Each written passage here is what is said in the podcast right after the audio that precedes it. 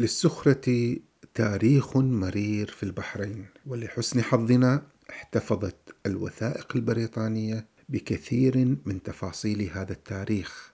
أنا أتحدث معكم عن العام 1904 وقعت حادثة صغيرة في هذا العام ولكن تركت أثرا كبيرا. سنجد هذا الأثر بشكل واضح في عام 1923 ما هذه الحادثة؟ سأقول لكم قصتها في الحلقة القادمة ولكن دعوني هنا أعرفكم على نظام السخرة. السخرة تعني الأعمال التي تفرض عنوة تحت التهديد. لا يكون الشخص قد تطوع بإرادته ولا أراد بإرادته ولم يكافئ بمال. إنما يؤخذ جهده وعمله وعرقه مجانا لصالح من يملك القوة. ومن الذي يملك القوة في ذلك الوقت؟ الجواب سنجده في كتاب أحد البحرينيين الذين خاضوا نضالا في الخمسينيات يوسف الفلكي. يوسف هذا اسم مستعار لأحد المناضلين في أحداث الهيئة في الخمسينيات هذه الهيئة التي تشكلت من جميع أطياف البحرين من أجل الإصلاح السياسي. يقول في كتابه قضية البحرين كان العبد العبد هنا المقصود فيه هو الفداوي.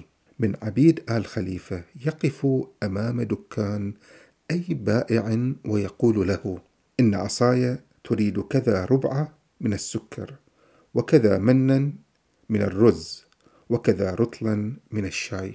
صورة بليغة ومختصرة لفكرة السخرة.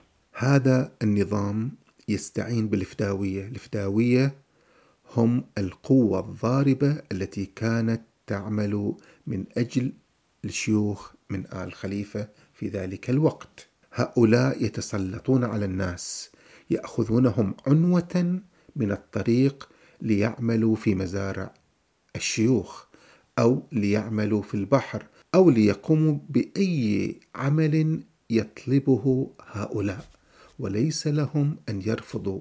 كذلك هؤلاء الفداوية يفرضون على الآخرين الذين يصطادون أو الذين يبيعون أن يعطوا عن يد وهم صاغرون بمعنى أنهم مجبرون على تقديم جهدهم وعملهم من أجل هؤلاء من دون أن ينالوا أي مردود مادي.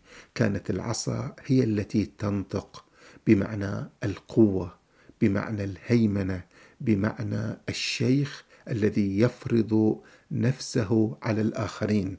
لذلك أنا اخترت لهذه الحلقات صورة معبرة كشعار للسخرة. كان تلفزيون البحرين عرض مسلسلا اسمه نيران ونيران فعلا هو يحكي فترة السخرة في البحرين.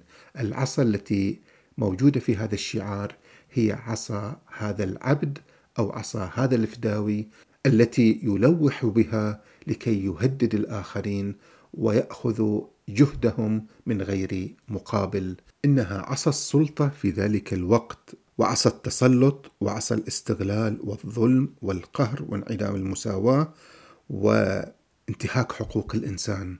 هذه العصا سترتكب خطأ كبيرا. سيقود هذا الخطأ إلى تغييرات كبرى. ما الخطأ الذي قامت به هذه العصا؟ وما القصة التي ترتبت عليها في الحلقة القادمة؟ أحدثكم عن عصا الشيخ علي بن أحمد آل خليفة.